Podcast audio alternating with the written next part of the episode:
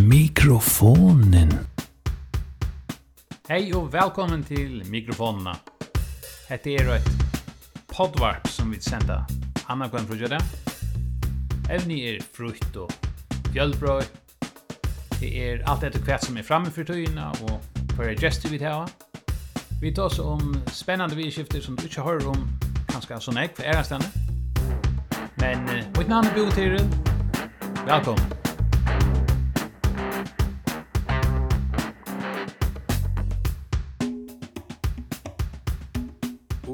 mikrofonen i Hesfer hittar vi ongan annan enn Jens L. Thomsen, tonlaga framløyeren og leolistamannen som kommer fra innan glivor, men som har bo i London i nekvar, utbyggvis sig her og arbeid nekvar. Han er særlig kjent fra bølsen Orska, og en uh, ser og avhåverdig bølgur og eksperimenterer i nekv framvis gjerda, og har gjort nekv nøybrot innan føres kantonlag, og er kjent nekvastan. Og han uh, sier fra uh, sin arbeid og sin uh, hoksanon innanfor tonlag og ljau og list og de tingene rundan om det. Han har gjort uh, Nek avavärst arbeid, nek ljømyndir, og nu senast, til dømes så gjør de han, ikke minst, Estrøyatunnelen, ljømyndina.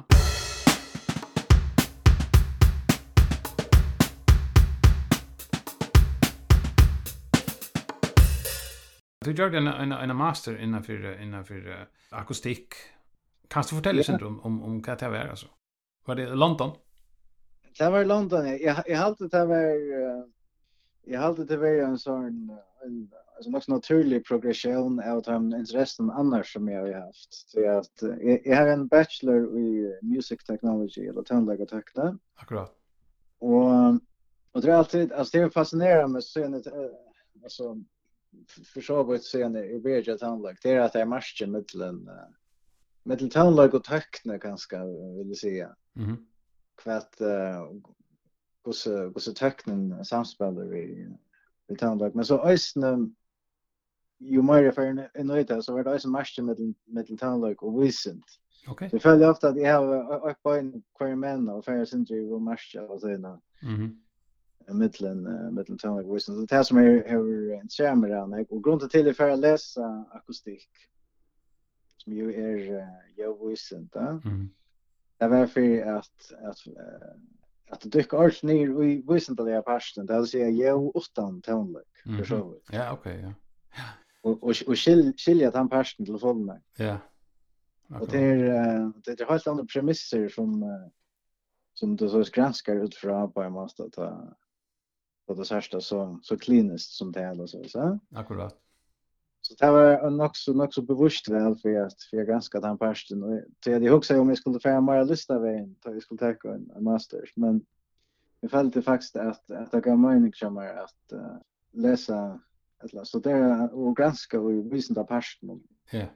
Och så kanske vi ska, ska uh, läsa en PhD så att Akkurat. Att, att så nämligen att ta för att att granska lista pers mer och hur sen relatera till till väsentliga personer av jag. Ja ja. Men men uh, det är nog så störst lopp alltså hvis man hycker alltså uh, tojamässiga eh människan här eh jag minns ta i jag vill vi också om, om det som inkre eh vi det är säkert nog så jag gamla lugga det är säkert en sin äldre men men men tog en gång ju och och och och ta i dit var i välmakten mot det sagt klickcase ja Jag spalte yeah. bass här och och och det var var det om det muntet det var stort att han åt du först till London att uh, studera tonlag var det inte? Jo jo, jag hade att alltså intressen intressen som ni har för för takten där hon hon sprattade som bror. När jag tog arbetet med gjorde det att vi att vi um, det spelade ju snälla bulten det var ju inte så så att spela bass i en rockorkester men så så vann vi ett uh, det prefer year och skulle studio. Mm. Och det det var uh, Jag, jag var faktiskt börjar och här. Jag har en liten harddisk recorder som satt upptag vi. Jag minns du vart också teknisk, ja? Ja, om alltid alltid intresserad med ren. Jag är bara till att, att festa också. Jag hade faktiskt kämpat för att Appe sang in och blåst i i fjörden. Ja, så det.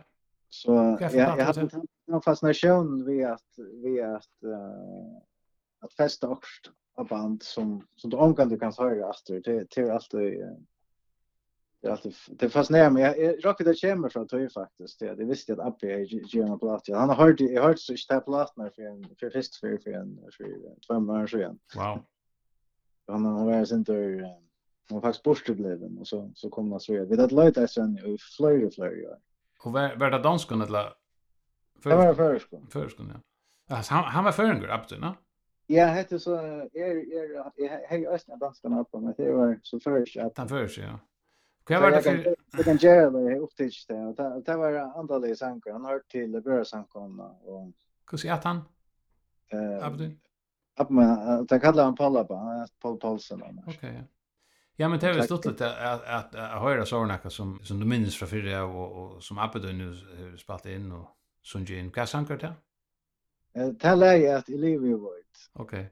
Som är en salmor ur ur Samböschen som bror som kom. Och och du minns det att du hade hört det och svära höra att du. Ehm Alltså jag Abbe men han lever så inte längre så så alltså det var Jag vet inte hur man ska förklara det stort. Nej. Du sig vet inte en upplevelse. Det det det går sig akkurat det är akkurat som jag uppe på i i Hetland jamar och så hörde jag där först ut. Det var hantliga Chancellorborg alltid och kan säga och och är inte att då att att man inte är att han han lever inte längre. Ja. Och han synker i livet och vet och jag vet inte att det och så är snett till till jag kan som ju har som upptäckt och Mm. Och nu känner till att han gör som han är upptäckt en rikko av, av förskon eh Salmon, Bay Kinko Sank och allt med dem Ja. Han är som uh, han, han förs i Lomax kan man nästan säga att han är runt och och festen ligger på. Och det har alltid jag är fast. Det, det är inte det har alltid faktiskt ösn inspirerande till arbetsmanager så det har försovit ösn inspirerat mig. Ja, det kan skilja. Och, och det att han så upptag appa men det det är så en sån kombination som som är bara kan kan glädjas om att att det har hänt det är passion med när jag voice när vi tar över upp med Stortligt, ja. Men Jens, eh, du spalte her vid Krikhex, minst det, bare for å komme til det, og så, og så førte til London.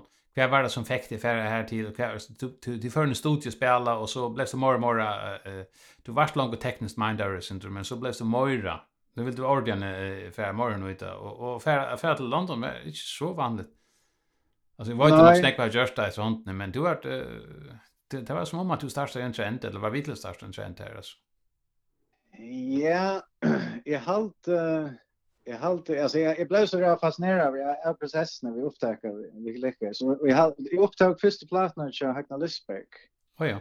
Jag upptäck förskälliga plattor men det var den den första som som jag menar var en jag vet inte vad man kan säga som som klarar sig så så helt enkelt och hon var så utgiven så på ett tre första men grund till i valde för att London halt är är eh hur man för Danmark också då kanske östen ja. Men jag har alltid att till jag är alltid fascinerad av bojen jag föräldrar som var tog upp när till till över Jag var tutsjare gammal. Jag minns Tassai är punk, punkrockaren nu grön mohawks och och att de hade secrets knowledge i vi du vet vi är någon och näst och chat och mitten allt det. Jag minns jag kom hem att det teckna det du vet för jag är att nå det var fascinerande av Så jag, jag hade den menta menta fascination av England och London som som jag har haft. Uh, ösnet ösnet har vi spalt och vi täcker så vi var ösnet inspirerade av sån som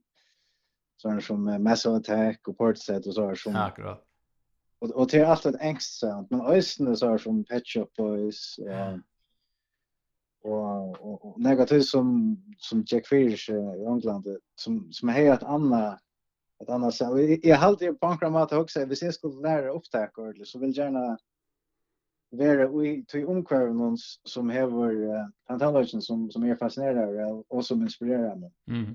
Och det så det är inte bara att lära handverk, men också uh, kvi eller och kvart du ska bruka handverk till. Mm.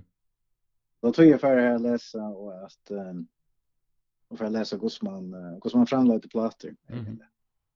Och så Gusman fann ett sound som är som är dumt eller så så. Ja, och så och så och så arbetade samtidigt med att läsa Jedrich där och och, och i ödlen för en alltså där kom några snygga plattor här du vart vi och så kom sort och sen sort orska och sånt. Det kan man inte låta vara vi nämna att det var så speciellt. Alltså här var det sån där sån här ljuddesign och något sånt.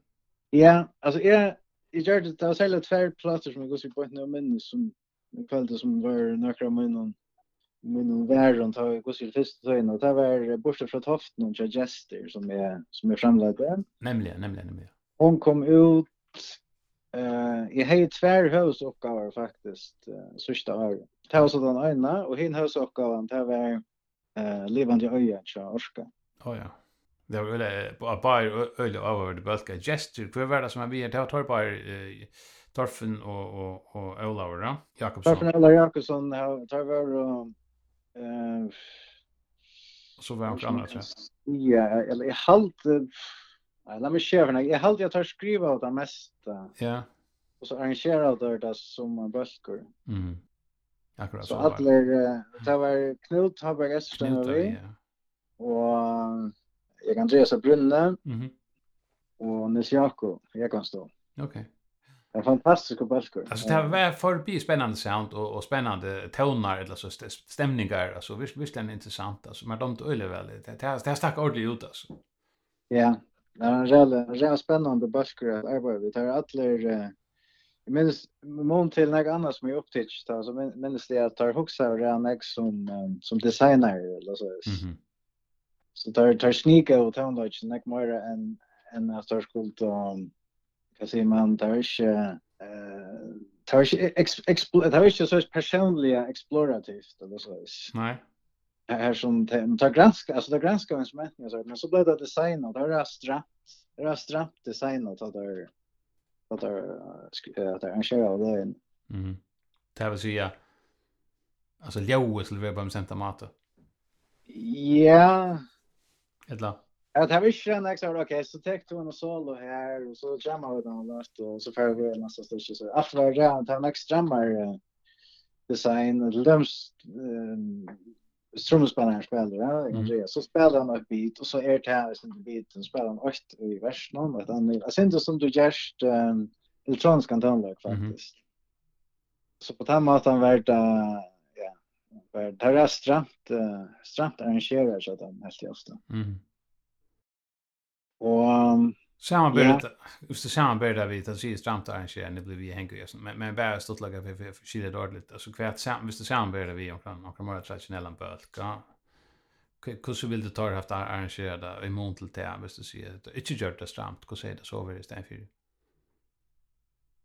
motsatsen här och tog ju vill det vara. Jag jag halt jag sent det här att ta ta följs ofta som det var um, kanske man kan säga att rytmsektion var också loop baserad och mm. det som var en stramt är att du så spelar också du får ju takter så är det så är det att samma du spelar alla minuter ut eller så. Ja. Mm. Mhm. Ja ja. Det är det för det är ju lätt att den personliga variation i det alltså stand. Ja nu vi ja ja. Okej. Det är samma som som eh uh, eller eller nej just. Mhm. Mm mhm. Så att ni jag kvätt är essentiellt för att för att ge det värsta på ett och så gör vi det och så så att det så är det här och så vi får ju att akkurat. att för att ge onkra flotta krillor här där nej ornamenten är faktiskt är då skåren borst. Ja. Ja nu har det skilje ja. Mm.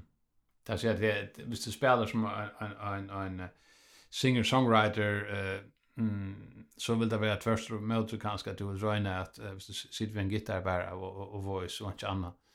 Så det kanske väsen inte övt, så det vill jag bara inte motsatt. Då vill du kanske hellre röjna för oss nu vara sjön vid det du görst.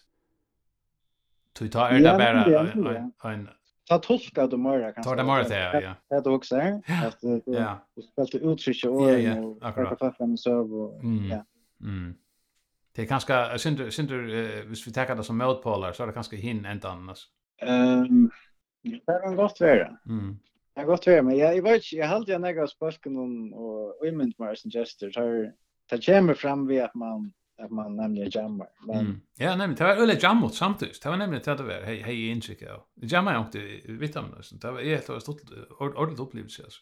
Ja, nämligen. Men så verkar det som att han löjne skot ner så blev det en också effektiviserade samtidigt. Ja ta var det det handlar om simpelt. Man visste kan man vill man visste kan man göra det man vill kan man vill det och så gör.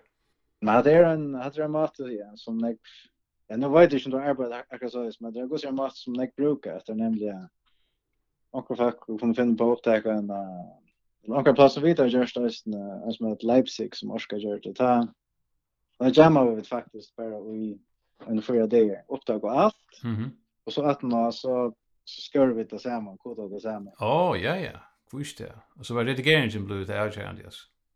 Ja, så sangskrivingen ligger för så vart ur redigeringen, att du... eller vi arrangemangen, att det att det arbetar på annat. Mm. Men jag vet inte, det blir synd spekulativt kärmar, jag kan gå till arbete. Det känns inte, jag minns inte 100% process, det var inte ganska... Nei, men jeg var helt inte.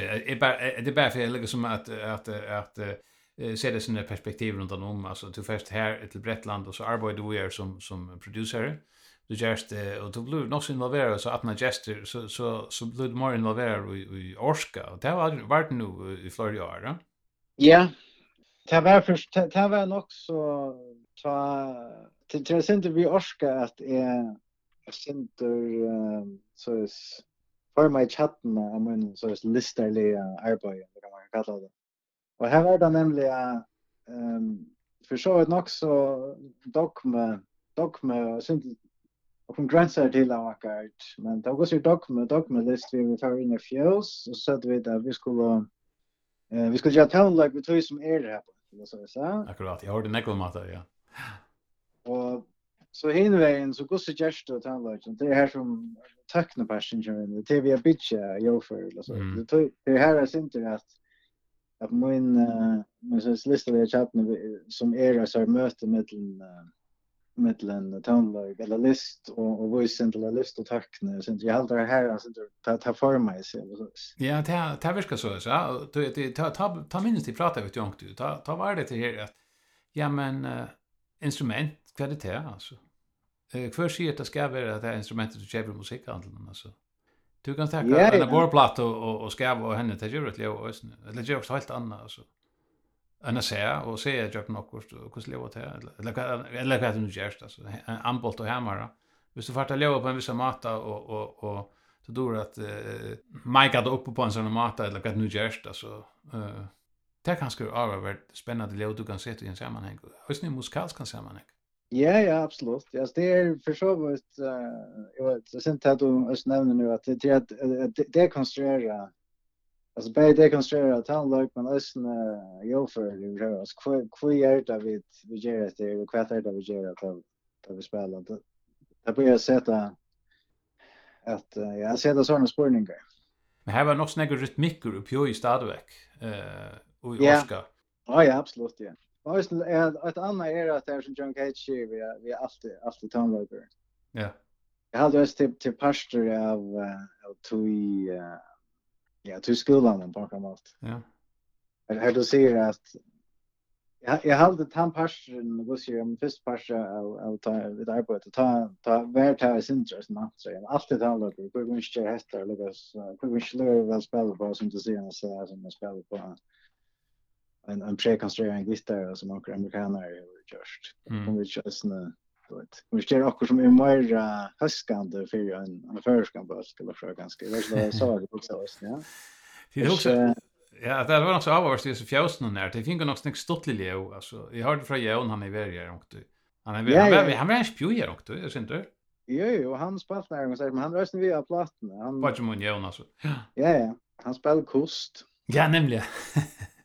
han pratade prata om det, det är spännande där inne här i fjäsen. Ja, ja, det var... Så, jag hörde nog snäck från han om det, alltså. Och, och att det var också en forskjellig jo som kom här till oss som... som också så det inte själva rått och ivra, så att nejt eller att göra, så det var, var det några sort oss, ne? Ja, vi tatt och vi tatt mikrofonen i fjölsen och det ta ena läge av platten som heter Volmar. Mm. Ta, ta er det ett nejt som försovit minns som vi kort i credits, ni hade vi skrev att det var lite vocals av till Lano där. Rätt nej, men det som är stort vi till den är att här är inte samtla i behöver till den. här är till allt live. Det är bara simpelt. Okay. Hon hon väljer och följer faktiskt vi tonlösen. Och det var det här vi flänte så sett. Jag minns det. Det var något som var hilarious om att det så var så stort lite alltså nämligen. Hon väljer hon hon hon förstår bättre Marla Minni alltså. Ja, ta ta ta går ju jag alltså. Men det som är så fast med land är att här en här en till det grejen det land över. Och på ett touchpunkt point är en här så ett breakdown här trummor för ut och så här. Ja.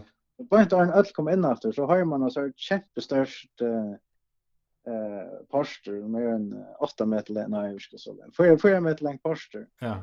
Pop man kör rast. Han han kom ju mellan in med ett upptag. Han också som vi för vi att göra take och blast.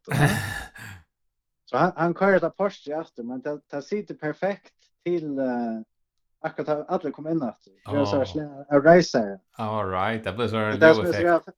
Stort nya snälla land att gå så till. Allt är bra live. Och det arbetar vi, det hade jag snackat som fascinerar mig, gus, gus ting kunde arbeta vi, att man bara om att det ger ecology. Ja, nämligen, nämligen, nämligen. Orska, och läget vart Walmart det? Walmart talar jag. Ja, men det hade vi skulle spela här i mitten här. Ja, ja. Jo, spel. Det var skoj.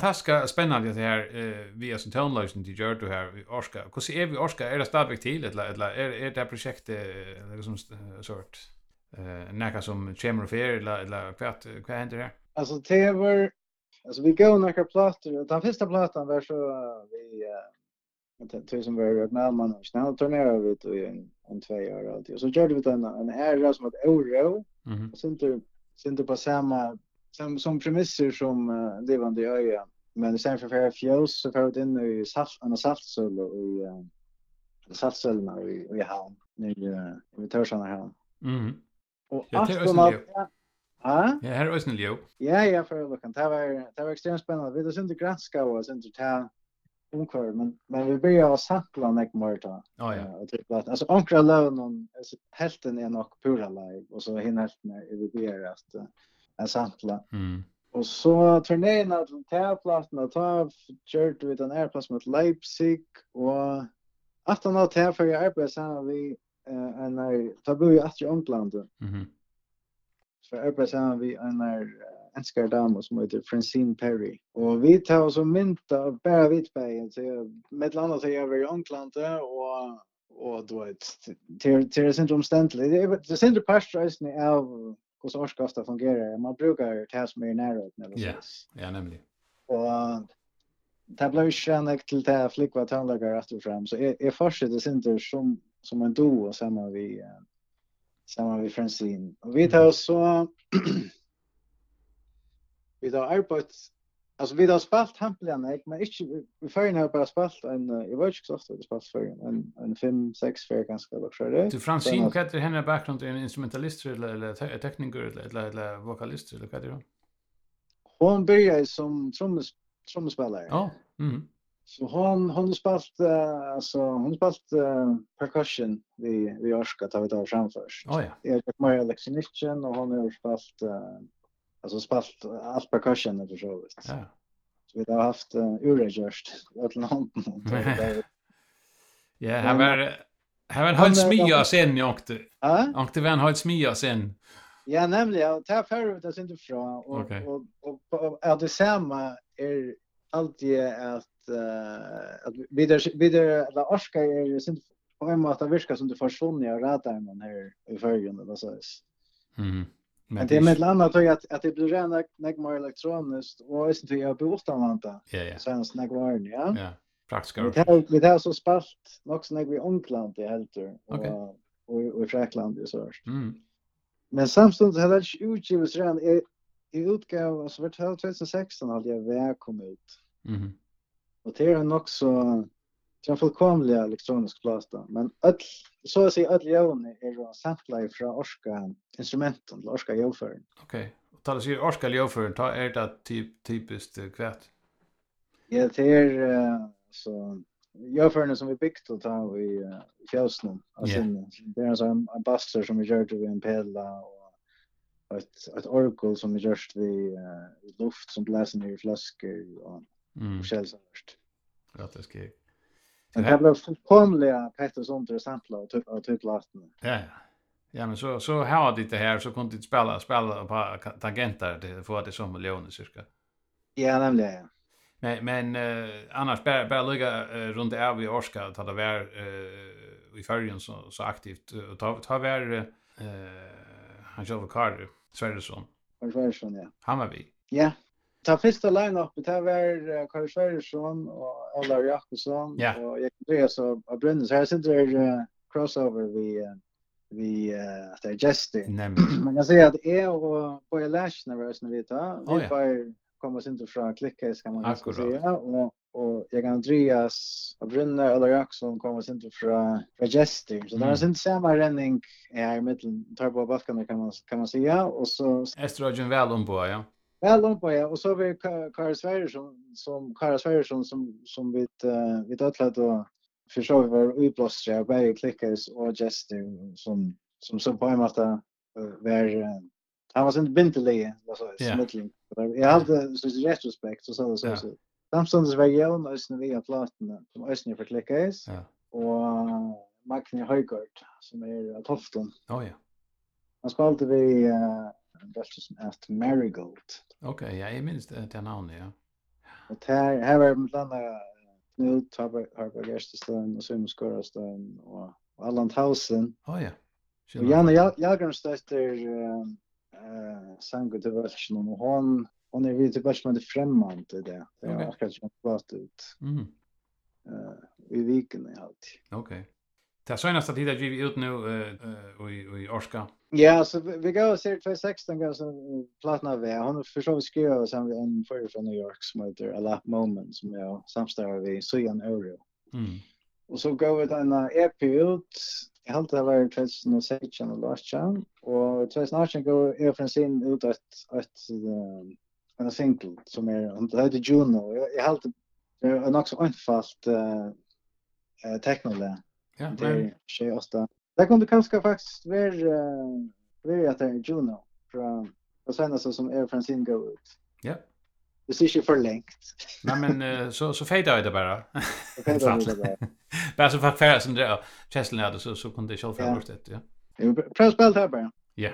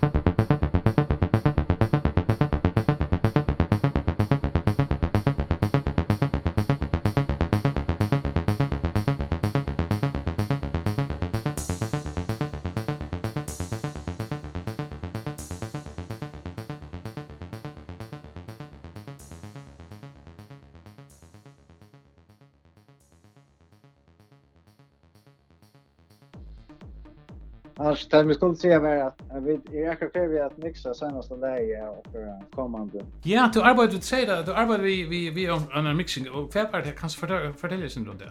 Jag skulle säga att jag från sen har arbetat jävligt nu kom covid ju så han du det är nästan. Och det är bygger för nu men vi arbetar på en utgåva och vi Det har man väl tagit på en tror jag. Vi är akkurat vi att mixa Eller faktiskt mer vid vid halt vi gärna lite men så får vi ta att välagan vara tvärblåster. Aha. Så är jag kan för mixa det sista läget och de första plattorna. Okej. Ta kommer ut i år. Så det är som en sorts dubbelt album alltså. Ja, vi vi vet själva goss men i halt vi det goss är outjust att ta kommersiell samstånd. Nej. Så jag plattorna. Så men jag hoppas på att Boar kommer ut i år. Okej. Intressant. Jag har faktiskt också upp till en Jeff Floyd upptäcker samma vi samma vi det gamla line-up man nästan. Oh. Eller pars pars där då. Lite Vi var och spelade en konsert i Fräkland de var fyra år, det var slags igen långt. Sånt. Då upptäckte vi, det var vi vi parstar av till line-up. Det här var Danmark Pers Version och och Ola Jackson Mm. och så Francine och jag och och Jan Tirsen som vi där samstarvar vi för. Okej. Okay. Eh vi körde några och konan kör någon ehm Emily. Okej. Okay. Vi gjorde några upptag i studion i Jan i Frankrike. Okej. Ehm Eller arbetar ni med timmen, va? Ja, nettopp. Ja. Ja, eller faktiskt turnera Bayer sen vi Jan senaste senaste turnén. Och eller vi har han turnerar sen vi tog köra allt. Så Spännande. Ja. Det är mer från plasten. Vad kan man se om så plattan du, du mixar nu? Alltså Orska? Vi ska samarbeta vi, vi tillfället som tid fyra GVU. Jag har alltid, senaste, senaste albumet vi gav ut var, hon var, det som är rönt jag tog plattan var att vita gosse fa elementer, hur längt kan, gosse kan det ske den i. Mhm. Och det är ankra av lövnen som hade ganska bra tröspår. Att det är ordentligt minimalistiskt? Fullkomligt minimalistiskt, ja. Vi Kan spår vara det Om som man spyr. Eh kvar spår var att. Vi ser tror spår jag kan väl ta vidare.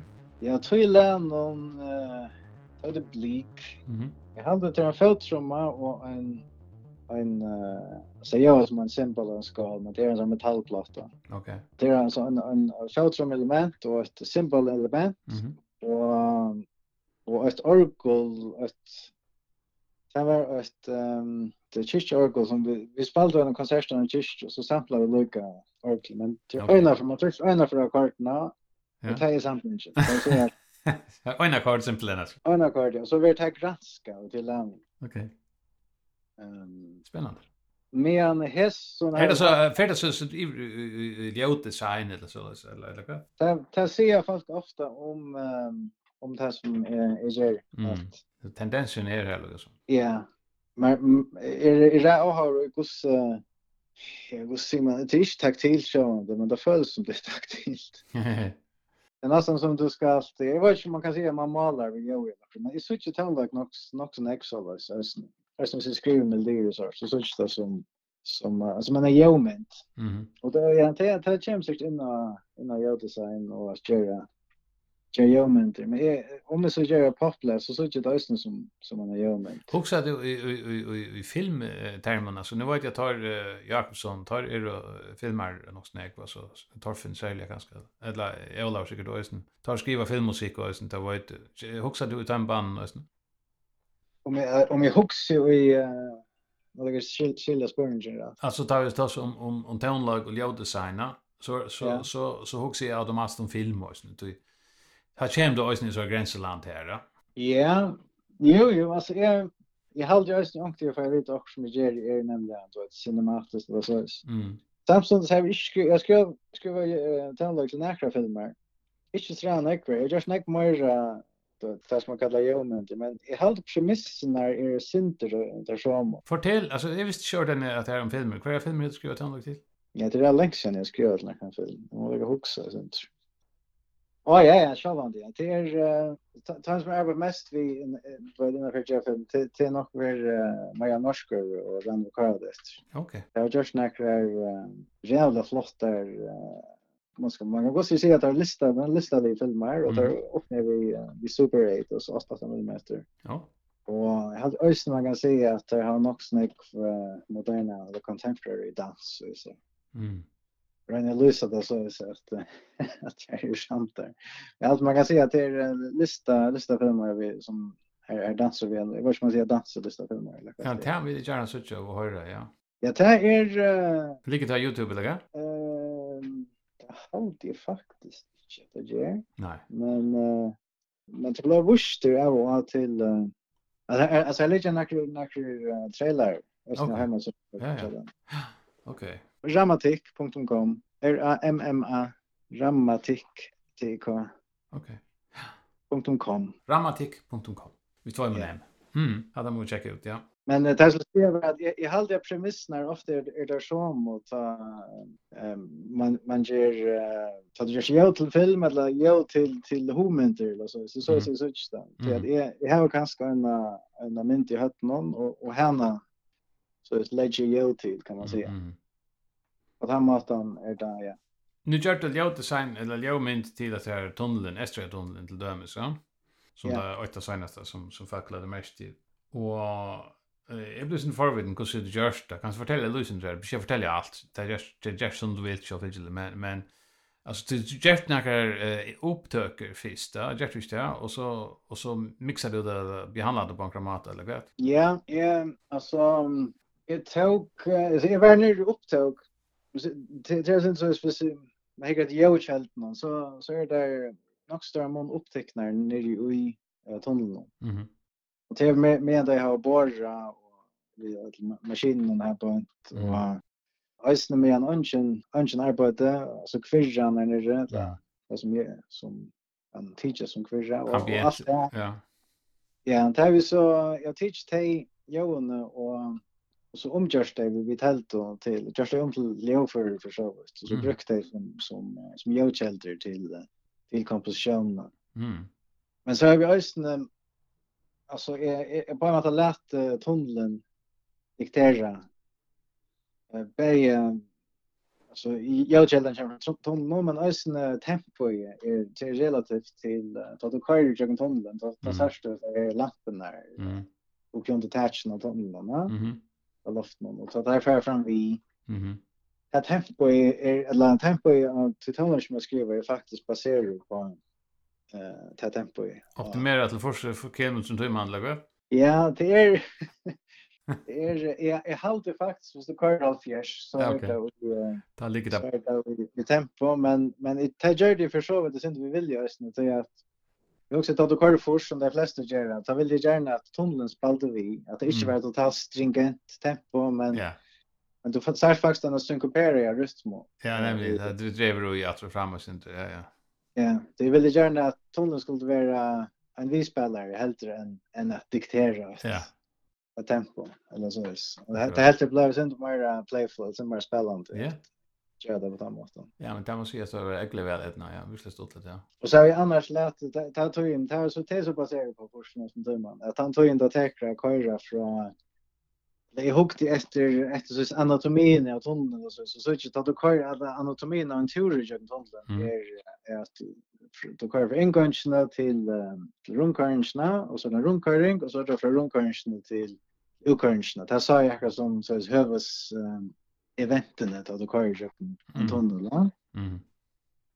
Og så skriver jeg uh, et pette til først av oss her. Uh, altså, det er altså tøyen da teker kører fra innkørsene til rundkørsene, så lenge tøy teker et pette i tøyenlogistasjonen som jeg skriver. Mm. Så det filter fylger tøyer med seg, strukturen filter for så vidt uh, anatomien av tunneln. Mm. Visst är det ju mening? Jo, det är alltid. Jo, jo, det kan, ja. det kan man gott skilja. Men, men, men brukte du tog bara där? Ja, jag brukte...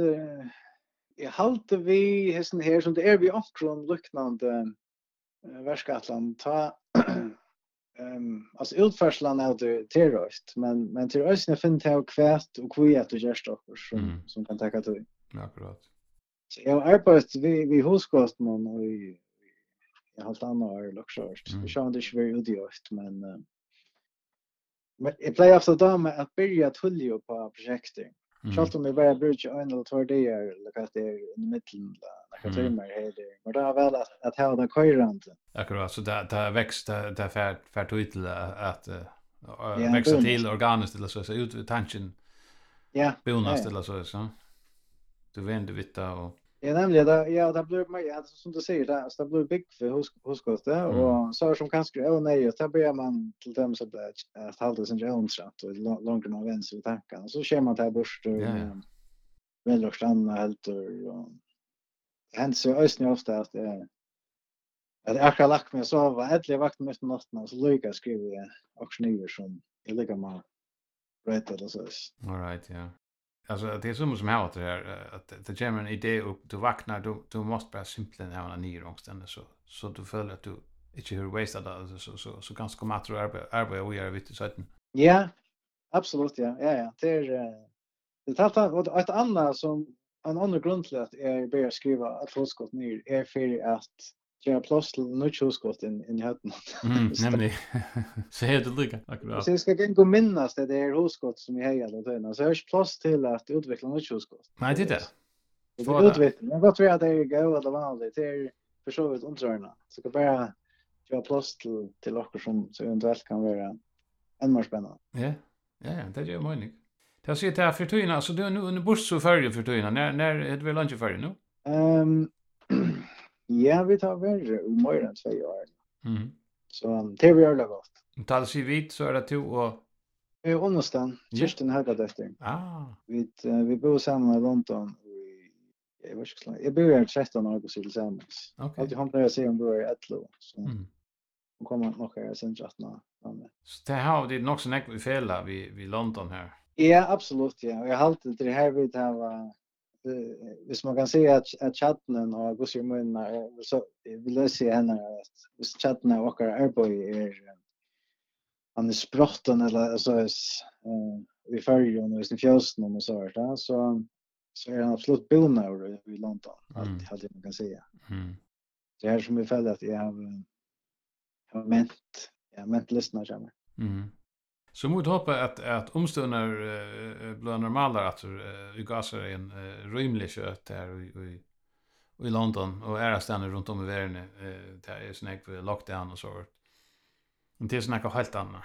Ja, alltså det ska man ska inte incha sjuk och att lämna något liknande det hör men men det är det är gott för mig att att bli ordentligt fest rötter av nutchen i färgen. Oh, ja. Och och ich kunde färna och ösnen sälja att vi pratar vi den fashion som var i London som ich kunde färna tom horna för en timme om det det är något utom horna det det var helt vanligt så att Ja, det är förfärligt alltså. Montlat är är big vi har byggt och igen så man rör i husen och planta ut trö i sommar och det var från man fjärna och så vet. Här var det spännande leoner i fjärna alltså. Ja, absolut ja. Ja. Ja. Vi får. Ja, till men på den måten är att jag kunde vara hemma till så timingen är flott att så förstås perfekt. Mm. Och det så just så nu eh du brukar utbyggnaden till till just såna moment som att det här men det det det såna uppgifter fast inte inte kvar man att eller eller eller hur ser det?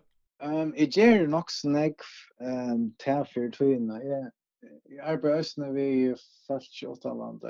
Med landa så har vi en Jeg er bare sammen vi nøkron falkon ur, ja, det er jo i Danmark og Russland og alt det. Det um, så skal man forklare det. Altså, vi har just... vi har opptidig rundklanger under vattnet Ja. i, i färgen. Mm. Man kan se at man tar et impulse response. Ja, ja. Det vil si at jeg vil køre en högtalare som tåler vatt. Mm. Vi har vært ute her forskjellige stans i färgen. Midland og Skalafjøren og Vestmann og sånt og forskjellige stans. Mm -hmm kvar vet en högtalare i vattnet som som talar vatten och så kvar en mikrofon eller en hydrofon som där där som talar vatten nästan nere i. Mm. Och så är högtalaren så kommer att jo mm. som jo är mata och så det är också stort så då har det echo eller rumklanchen nere under vattnet va? Mhm. och mikrofonen uppfångar det. Mm. Så att han har så täckt upptäckna eh av som du upptäcker och så och så man kan säga man tog stretch ju från som du kanske inte hade där du du fjärna det ur alltså du har en algoritm som som på en måte fjärnar upprunna ju men efter är rumklankren. Mm. Och det vill säga att så kan du så kan några som sitter i i Hollywood han gärna ha att han köra sitter mixar en film eller också rätt mm. och nu drunknar han i filmen. Mm. Och så rör det ganska om. Men så mm. det här var det jag som te är under vattnet och i du vet Så du kan bruka det som en plug-in effekt och sätta av, eller Nämligen, så kör han till och så gör det som att vi går för att druckna skala för någon eller västman och sånt. Ja, ja, skulle du så sälja det till Isotope den här sorten? Nej, eller jag håller för jag vet inte det som är ju att jag skriver ju ett ett ett ambient verk till den här rumklash. Ah. Ja, så brukar den här. Så if jag skriver ett if jag skriver ett verk som på en kramat ska ta utgångsstöj och i omkörnen under haven i färgen. Och så har du här effekten av alla tvåna liksom. Ja, jag kan gå så här på igen. Ja, ja. Och så tar man då står det här är ju här är ju en konstant i färgen kan man säga. Det är inte inte ju vänta, det är inte här någonstans. Det där. Och vi och jag server i det att vi då känner någon som Enten lever vi det här någon eller dödjar vi det alltid och så så det. Ja, det är bra. Att skriva det här sticket är höstet så det är spännande. Och ett annat som... Är det som en uppgave eller att du tecknar initiativ? Det är, det är en uppgave som, ja. som är... Och, och du och det här internationella teamet? Ja. Ja, ja, ja. Är det för en för, för kan uh, köpa det en utländska? Um, ja, kan man säga. Det, det är det som är... Uh, det är de som är producenter. Alltså det är okay. en lista bulker. Okej. Okay. Och det är de som är uh, det har ett jävla spännande projekt annars är det det är framför under vatten. Så det är wow. det är en rycka jag för en som det är framför vi i akvarium. Ah shit alltså. Så då det första så jag konsert så tar man så är det kvar sin akvarium så spelar det under vatten det syns ju under vatten. Ja. Det är fast Ja, det kan jag alla, ja. Så det här gör jag och så skriver jag skriver ett till autobarn på nu samma vi trände eh båten. Okej, ja. Vi skriver ett ett stitch som är snö de meter mer än samma den med en klassisk tonverk och och elektronisk tonverk. Mhm. Ja, ja. Och den granska sen tror kvätt kvämma kan göra på. Ja. Och så kan avskaka först andra. Akkurat. Och så skrev jag ösnen till också allt gång för sig subterra för töna men. Ja ja. Det blir ett undervattenstinge och sån här undersjö undersjö fonden och så ett annat projekt som är till ett till ett till en ett laboratorium i Frankrike som tar granska i dark matter. Ja. Men det ligger 300 meter under under jord. Ja ja. Och här är en vi att um, att uh, bruka bruka det eller samstarva vi visst av folk som som granska och just nu dark matter. Mm. Det var det. Och bruka bruka ta data att diktera en tonlag vi. Det ser där för komma synd några eh teleomässiga aspekten av teleomässiga aspekten av dark matter alltså. Ja. Det finns det över. Visst det är fantastiskt. Det ska vi det sända för en. Ja. Det är ju otroligt spännande. Det är ju ordentligt space som man säger. Ja, ja, absolut, ja. Men alltså Stort lite. Jag är är så spänd på att att att att granska och nutchen uttrycksformen och jag vet inte, man kan gå på pop och tjänande vi vi framtog och så men men det är spännande att och tror så är så vi du kommer vi är eller så. Det vi att vi vet att kväsch ja. Så så så så då läste så en tänk how hours kan jag ta det jag har det som som förla det går sig det som är blivit spänt på det så så. Ja ja ja. Det följer för för listan vad vi är Men eh, fantastiska avvärst eh, att höra Jens och och och hemma insätter gå ett nu vi öllens projekt nu du har igång då. Det ska vara spännande att höra mera till ett försälja. Så att, men tack för att du gavs här tog. Jo, det är sånt här. All the best. Ja, yeah. All right.